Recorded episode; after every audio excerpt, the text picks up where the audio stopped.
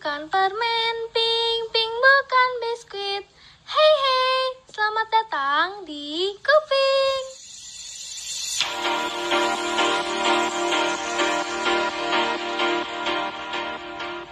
Assalamualaikum warahmatullahi wabarakatuh. Shalom, Om Swastiastu, Namo Buddhaya, dan salam kebajikan. Selamat pagi, siang, sore, dan malam untuk para pendengar setia podcast seputar doi di mana pun kalian mendengarkan podcast kali ini. Uh, kembali lagi di seputar doi bersama aku Vena yang akan membawakan podcast kali ini. Uh, pasti teman-teman udah pada liburan uas kan? Nah, pas banget podcast kali ini untuk menemani liburan teman-teman. Uh, seperti yang teman-teman tahu, di podcast seputar doi akan berisi review buku. Yang kali ini akan dipaparkan oleh salah satu dosen kita yaitu Bapak Nayaka Artawijesa SEMEC Dev. Uh, kita sapa dulu kali ya narasumber kita pada kali ini. Halo, selamat siang Pak Nayaka. Ya, halo selamat siang Mbak Rafena ya. Iya Pak, bagaimana kabarnya Pak? Alhamdulillah baik-baik sehat selalu. Alhamdulillah. Uh, untuk kalau boleh tahu kesibukannya akhir-akhir ini di samping mengajar apa ya Pak? Ya, uh, jadi kebetulan uh, sekarang itu ada proses akreditasi AKAS ya kalau mungkin teman-teman uh, pernah dengar itu uh, universitas kita itu sedang taken kontrak dengan salah satu apa namanya uh, lembaga pengakreditasi dari Eropa ya itu dari Jerman kalau nggak salah. Jadi semua fakultas itu selama mungkin enam bulan terakhir ya itu sedang sibuk untuk mempersiapkan uh, akreditasi. Termasuk kita uh, ikut yang batch terakhir kalau nggak salah ya uh, FIB ini jadi bulan Oktober kemarin kita sudah submit dan tinggal menunggu uh, review ya semoga semua lolos jadi kita bisa terakreditasi secara internasional ya. Jadi kita punya banyak sekali uh, lembaga pengakreditasi. Itu yang pertama mungkin itu akreditasi, kemudian ada juga kajian kajian-kajian dengan Pemda yaitu kesibukan saya sekarang sama uh, lagi ada kerjaan juga sama uh, Bank Indonesia Malang ya. Kemarin ada proyeksi pertumbuhan ekonomi di Malang. Mungkin itu aja sih kalau apa namanya kesibukan ya. ya. Baik, terima kasih Pak Nayaka yang telah bersedia meluangkan waktunya di untuk sharing-sharing bersama kami di sela-sela waktu sibuknya. Jadi uh, untuk kali ini nih ya. Pak, uh, judul buku yang akan Bapak review ini judulnya apa ya Pak? Ya, uh, jadi untuk buku yang saya review kemarin sebenarnya sudah saya tanyakan, uh, apakah boleh buku yang berbentuk literatur gitu? Ternyata ternyata bersedia. Kebetulan uh, saya review uh, bukunya Pak Dumairi ya. Mungkin teman-teman pasti pernah uh, mengambil mata kuliah matematika ekonomi satu dan dua dan itu biasanya kita menggunakan bukunya beliau.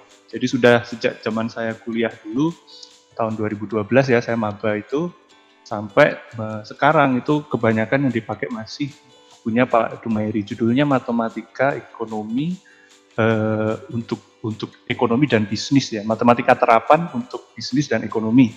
Ya itu judulnya. Oke. Okay.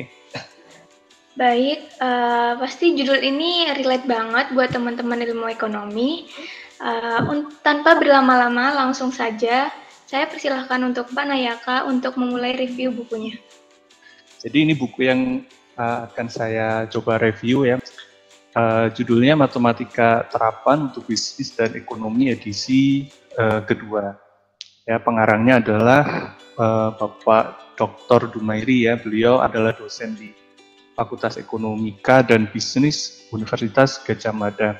Kebetulan dulu saya juga diajar langsung oleh beliau, jadi saya sangat merasakan dalam tanda kutip atmosfernya ya diajar langsung oleh uh, penulis dari bukunya langsung.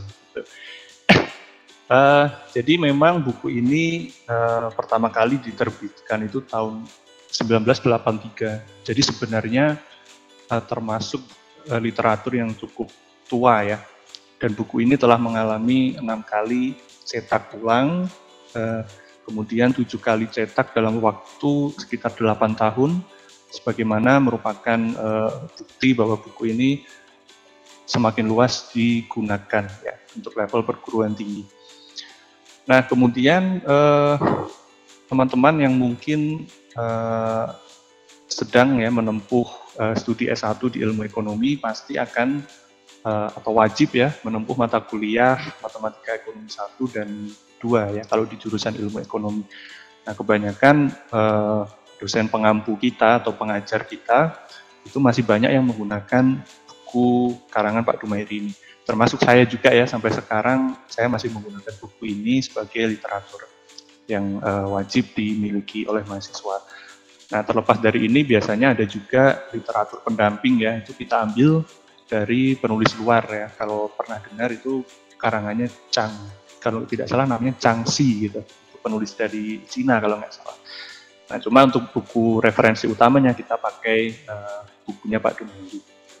Nah, uh, mungkin sekilas uh, saya overview ya kenapa kemudian literatur ini sangat penting ya untuk kita pelajari karena uh, pada dasarnya kalau di ilmu ekonomi itu kita bisa melihat semacam uh, runtutan ya atau bagian alur dari mata kuliah itu kita pasti uh, tahu bahwa ilmu ekonomi itu dibagi menjadi uh, dua yaitu yang pertama adalah core courses atau mata kuliah inti yang kedua adalah field courses nah atau mata kuliah bidang sehingga di sini untuk mata kuliah inti itu kita ada empat yang wajib harus dikuasai oleh mahasiswa, yaitu adalah mikro, kemudian makro, uh, matematika, dan juga statistik. Jadi hanya empat mata kuliah itu yang uh, wajib uh, kita harus kuasai ya. Terlepas di bidang lainnya, itu field courses itu misalnya ekonomi moneter, kemudian ekonomi internasional, itu kan sebenarnya dia pecahan dari ekonomi makro. Ya, jadi kalau kita melihat uh, istilahnya economics tree ya atau bagian pohon itu kita selalu berawal dari filsafat ilmu ekonomi, kemudian teori, yang kemudian dipecah menjadi microeconomics dan macroeconomics. Ya, kemudian terapan dan juga kita ada satu eh, satu bagian lagi yang kita sebut dengan alat analisis ekonomi. Nah itu ada tiga, salah satunya matematika ekonomi, statistik dan juga ekonometrika. Ya, jadi penting sekali ya kita mempelajari matematika ekonomi untuk uh, supaya kita bisa tahu yang namanya magnitude. Magnitude itu besaran. Nah maksudnya apa? Misalnya kalau kita belajar tentang hukum permintaan, ya secara teoritis kita hanya tahu bahwa ketika harga naik maka uh, jumlah barang yang diminta akan turun ceteris paribus gitu ya. Nah, itu kita harus tahu ketika kita menaikkan harga sekian, si penjual itu kira-kira jumlah barang yang diminta akan turun berapa. Kalau kita tidak paham matematika, mungkin kita tidak akan bisa menghitung. Karena konsekuensinya nanti pasti akan masuk ke profitnya. Ya, karena profit itu komponennya adalah TR dan TC ya, total revenue dan total cost, dan di mana price itu merupakan komponen dari TR, sehingga ketika harga itu diubah oleh produsen, maka konsekuensinya nanti akan ke profit ke total cost juga bagaimana kita harus membayar gaji pegawai kemudian barang-barang modal kita jadi kita e, mempelajari matematika itu dengan tujuan agar tahu besarannya. Jadi tidak hanya sekedar teori harga naik apa yang terjadi pada kuantiti. Nah e, kurang lebih seperti itu atau mungkin contoh lagi misalnya kita ingin memaksimalkan kepuasan atau utilitas tapi kita terkendala dengan anggaran. Nah mungkin teman-teman yang suka traveling itu kan pasti ketika kalian punya uang sekian misalnya satu juta setengah itu kalian ingin traveling ke Jogja pasti kalian dihadapkan oleh pilihan-pilihan tertentu. Nah dengan anggaran satu juta setengah gimana caranya uang tersebut kalian alokasikan sampai kalian mencapai kepuasan yang maksimum. Nah itu bisa kalian uh, kombinasikan bermacam-macam pilihan. Misalnya kalian berangkat dari Malang, uh, kalian dihadapkan oleh transportasi, kalian ingin naik bis, naik kereta atau naik uh, motor sendiri misalnya, mana yang memberikan kepuasan maksimum. Nah nanti kemudian kalian belum bicara masalah makannya di sana, kemudian penginapan atau hotelnya gimana. Nah itu yang pernah mungkin ya kalian pelajari uh, di salah satu materi yang kita namakan dengan optimisasi bersyarat ya atau pengganda Lagrange. Kalau kalian pernah dengar ya di matematika ekonomi 2. Nah, itu salah satu uh, contoh kasus ya bagaimana pentingnya penerapan matematika ekonomi. nah, mungkin langsung saja uh, saya masuk ke uh, isi dari bukunya ya beliau ini. Uh, buku buku ini sebenarnya muatannya sudah cukup baik ya. Kalau tidak salah sekitar 400 uh, halaman. Ya, di situ juga disertai contoh-contoh uh, dan juga tentunya materinya juga sudah diulas dengan sangat baik. Nah, di sini ada beberapa uh, kelebihan ya, kelebihan dari uh, buku yang ditulis Pak Dumairi ini. Yang pertama, itu desain materinya itu sangat terstruktur disertai dengan konsep dasar. Ya, jadi maksudnya uh, kalau kita belajar ilmu pengetahuan itu kan selalu bertingkat ya, dari kalian sekolah dasar, SMP, SMA sampai perguruan tinggi. Nah, materi yang diberikan di perguruan tinggi itu uh, materi yang konsep dasarnya itu sebenarnya sudah diberikan di level SMP dan SMA. Misalnya operasi bilangan, kemudian bagaimana kita mengeksplisitkan dan mengimplisitkan sebuah fungsi. Nah, itu sudah diajarkan sebenarnya di SMA. Cuma di sini beliau itu uh, juga me menambahkan muatan materinya itu tentang materi dasar yang sebenarnya sudah dijelaskan. Jadi mungkin untuk review saja, Eh, kita sebagai pembaca dan juga yang mempelajari matematika ekonomi itu bisa uh, membuka lagi materi yang mungkin kita lupa. Nah, itu mungkin salah satu kelebihan dari buku yang ditulis beliau ini adalah beliau juga memasukkan konsep-konsep dasarnya. Nah, kemudian yang kedua, uh, karena judulnya sudah matematika terapan ya untuk bisnis dan ekonomi, maka kasus-kasus uh, dalam setiap materi itu juga didesain sangat aplikatif ya jadi sesuai dengan kasus-kasus uh, di ilmu ekonomi dan bisnis ya jadi ini sebenarnya tidak hanya bisa diberikan di di ilmu ekonomi tapi di manajemen itu juga dipakai ya karena di sana juga ada mata kuliah matematika ekonomi untuk apa uh, maba semester 1 nah uh, kemudian yang ketiga uh, soal-soal latihan ini juga cukup banyak ya. Soal latihan dan juga e, jawaban itu disajikan juga di bukunya beliau ini dengan sangat baik. Ya. Jadi kita punya contoh-contoh soal kasus-kasus e, aplikatif itu beserta dengan jawabannya. Nah mungkin e, itu merupakan salah satu keunggulan atau kelebihan dari bukunya Pak Dumairi ini. Nah mungkin yang terakhir untuk muatan materinya itu juga ternyata sudah cocok dengan rancangan pembelajaran semester. Ya terutama untuk di tempat kita itu RPS-nya itu yang kita desain itu materinya kebetulan sudah ada di bukunya beliau ini semua. Ya, jadi itu mungkin kelebihan-kelebihan. Nah, namun uh, terlepas dari itu semua, ternyata ada juga kekurangannya ya. Jadi memang kesempurnaan hanya milik Tuhan sehingga barangkali review ini bisa kita apa ya kita manfaatkan bersama untuk uh, saling mengoreksi ya barangkali seperti itu ya walaupun buku ini uh, mungkin sudah jarang diterbitkan ya sehingga mungkin penulisnya juga tidak mendapatkan royalti ya dari penjualan bukunya nah uh, kelemahan ya sekarang kelemahan dari buku ini uh, yang pertama itu bahasa yang digunakan itu masih sangat 80-an Nah, maksudnya apa? Jadi kalian kalau baca buku ini itu kadang menemui istilah yang kalian awam. Nah, misalnya kalian belajar tentang fungsi itu nanti kalian akan membaca istilah misalnya lereng. Ya.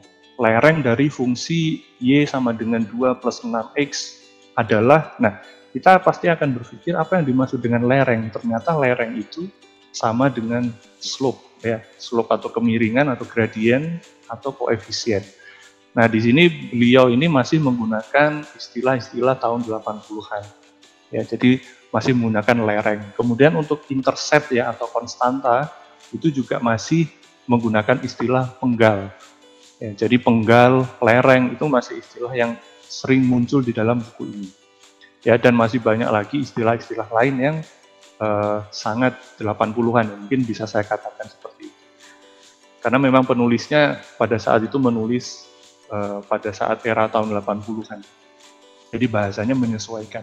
Sama kalau mungkin kita baca buku statistik zaman dulu itu juga sama, rata-rata itu ditulisnya itu rata. Ya, walaupun sebenarnya maknanya itu uh, sama.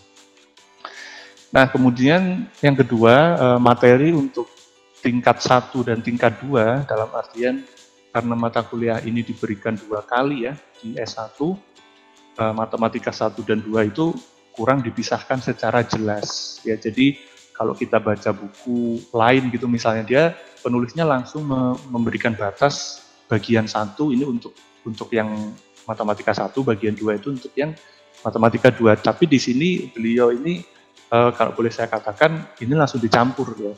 Tapi di halaman awal itu sudah dituliskan bahwa untuk matematika satu materi yang diberikan itu harusnya ini, tapi secara struktur desain bukunya uh, beliau masih mencampur.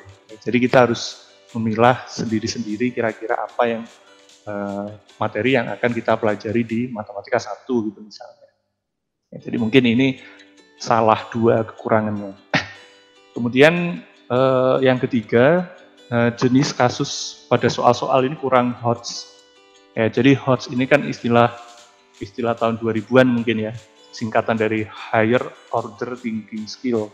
Jadi soal-soal hot itu soal bertingkat biasanya diistilahkan sederhananya seperti itu.